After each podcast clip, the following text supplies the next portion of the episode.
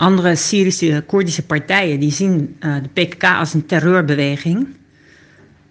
Um, zij zeggen dat, zijn dan, dat is dan een terreurbeweging met snorren in plaats van met baarden. Want uh, om de volgende redenen. En wat ik al heb gezegd, um, wat ik al uitgebreid heb verteld, is dat, uh, dat die Syrische PKK met het Assad-regime werkt, uh, coördineert, dealt. Dat is voor, voor die andere Syrisch-Koerdische partijen is dat absoluut een no-go. daarom kunnen ze ook niet met hun verenigen en zo. En daarom snappen ze niet waarom de Amerikanen hen zo steunen. Natuurlijk wil iedereen dat IS wordt verdreven, maar er waren ook uh, Syrisch-Koerdische uh, brigades, uh, zeg maar, die wel anti-Assad waren. Die hebben nooit steun gehad van de Amerikanen.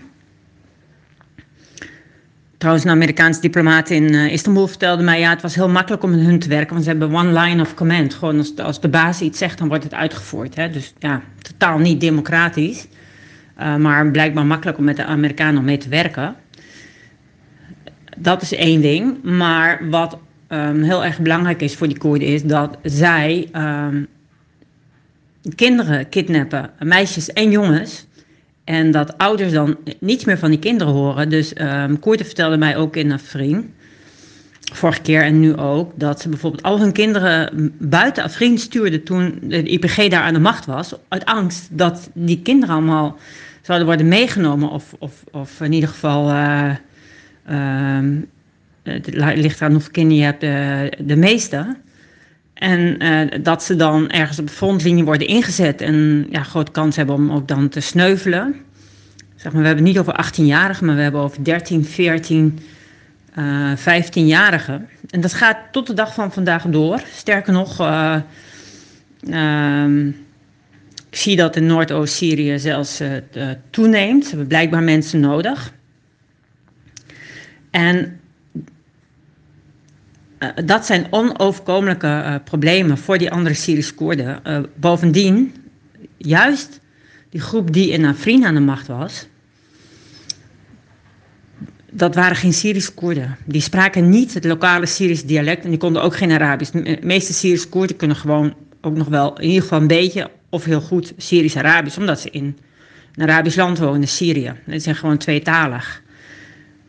Maar deze uh, spreken Sorani, wat niet in Syrië en niet in Turkije wordt gesproken, maar uh, in Irak en in Iran. Dat is zo dusdanig anders dat ze um, zelfs elkaar met moeite uh, volgen.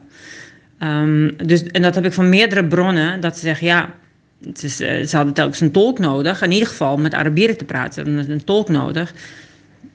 Dus juist in Afrin was het niet de Syrische branche nog die daar aan de macht was, maar gewoon een buitenlandse. En zij hebben zoiets van, ja, waarom moeten wij geregeerd worden door, door, uh, door deze buitenlandse Koerden? Wij willen zelf uh, uh, de touwtjes in handen hebben. En deze aspecten, ja, hoor ik gewoon in ieder geval veel te weinig in westerse media en in, in Nederlandse media al helemaal niet. tenminste, ik heb er nog nooit voorbij zien komen. En hoe dieper ik erin duik, bij mij is het natuurlijk ook voortschrijdend inzicht. Ik wist dit ook allemaal uh, vijf jaar geleden niet, of vier jaar geleden, zelfs drie jaar geleden niet. Maar dat is het voordeel van die veldreizen. Je, hoort, je, hoort, je praat met zoveel mensen en uit elke interview uh, ja, wordt de puzzel um, een stukje duidelijker. Ik zal niet zeggen dat het uh, simpel is. Wat ik al zei, ik volg die Arabische media, die lokale media op de voet. Maar als ik erin ga, hoor ik nog zoveel nieuwe dingen die ik ook daar niet hoor. Um, ja, en dat is het grote voordeel van veldwerk. Bovendien doe je allemaal impressies op die je niet van buitenaf uh, op kunt doen. Zo simpel is het. Het gastgezin waar ik was in uh, Afrin, Afrin stad. Um, de man daarvan, uh, Koert, die heeft vijf jaar lang vastgezeten in, in de beruchte Zetnaya gevangenis. En daar zaten ook uh, jihadisten van Al-Qaeda. ISIS bestond toen natuurlijk nog niet, voor 2011. En hij zei van, ja, ik ken al die Al-Qaeda-leiders, ik ken ze gewoon persoonlijk. Ik zat gewoon met hen vast. En hij heeft ook nog daarvoor ook nog eerder vastgezeten. Dus een hele geschiedenis van opponent tegen het Assad-regime. Ook staat hij op de dodenlijst van de PKK, zoals ik uh, al zei. En zijn vrouw... Uh, die kwam uit Latakia. En die heeft ook vastgezeten onder het Assad-regime. Haar eerste man is overleden en ze is pas later met uh, deze Koerdische man getrouwd. En zij vluchtte uit Latakia met twee dochtertjes en zij naar Idlib. En zij is toen weer vastgezet door HTS. En één avond toen wij daar waren, kwam er een stel, was er een stel uh, vrienden op bezoek. En de man van dat stel had de deur geopend voor haar in Idlib van de HTS-gevangenis. Weet je, die verhalen die, daar, die je daar hoort, ja, dat is, dat is allemaal heel heftig. En toch probeerde ze elke avond om het gezellig te maken, vrienden uit te nodigen. En, dan was, uh, kwam wat sterke drank en zo. En, en ze gingen muziek spelen. Um, en ze zeiden van, wij, wij beschouwen nu elke dag als winst. Elke dag die we hebben is winst. En ik heb, uh, net als in Azaas, de vorige keer ook met, uh, in dit gezin, de, de twee tienermeiden waren dol op, op Arabische muziek en ook op Egyptische muziek. En als, je dan door hebt, als ze dan doorhebben dat ik die muziek ook ken en ook leuk vind en Egyptisch spreek, hebben we hebben twee keer gedanst een avond en we hebben gezoombaat. Dus ja, dat verwacht je niet hè, in Syrië of all places. Ik heb de tijd van corona dat in eh, Turkije eigenlijk niet zo gedaan, al helemaal niet gedaan. En dan juist in Syrië. Um, maar mensen proberen echt het allerbeste ervan te maken. En dat vond ik wel heel mooi om te zien eigenlijk.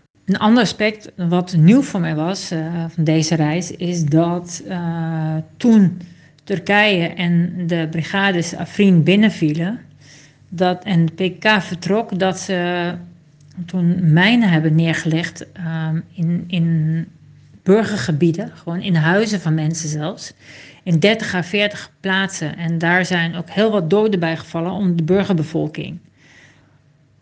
Um, wat ik begrijp van Koerden, alhoewel het echt nog meer onderzoek behoeft, is dat het aantal doden door die mijnen die de PKK heeft achtergelaten hoger is onder de burgerbevolking dan het aantal doden dat is gevallen door die, die Turkse inval uh, zelfs.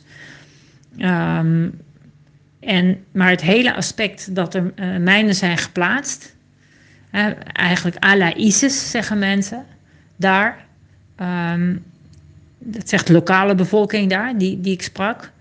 Ja, dat, dat heb, ik, heb ik nooit in de westerse media voorbij zien komen. Ik kan het hebben gemist.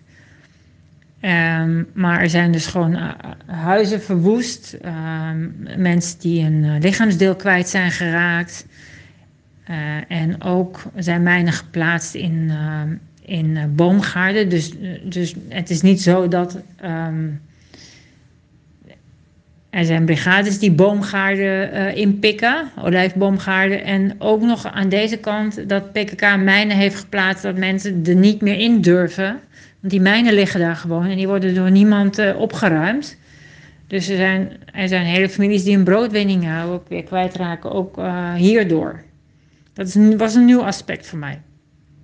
En misschien is het ook wel goed om even te zeggen, hè, er zijn uiteraard allemaal mensenrechten geweest aan beide kanten. Maar dat van die uh, brigades die met Turkije erin gaan, wordt nogal uh, bestudeerd en is overal in de media.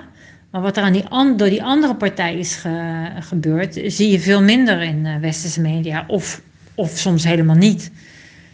En vandaar dat ik mij daar dan, dat ik daar dan wat induik. Van, om dat verhaal ook tafel te krijgen. Hè? Dat we niet in propaganda vervallen, alleen maar mensenrechten schendingen van één kant doen en de andere kant niet. Maar gewoon van beide kanten alles op tafel.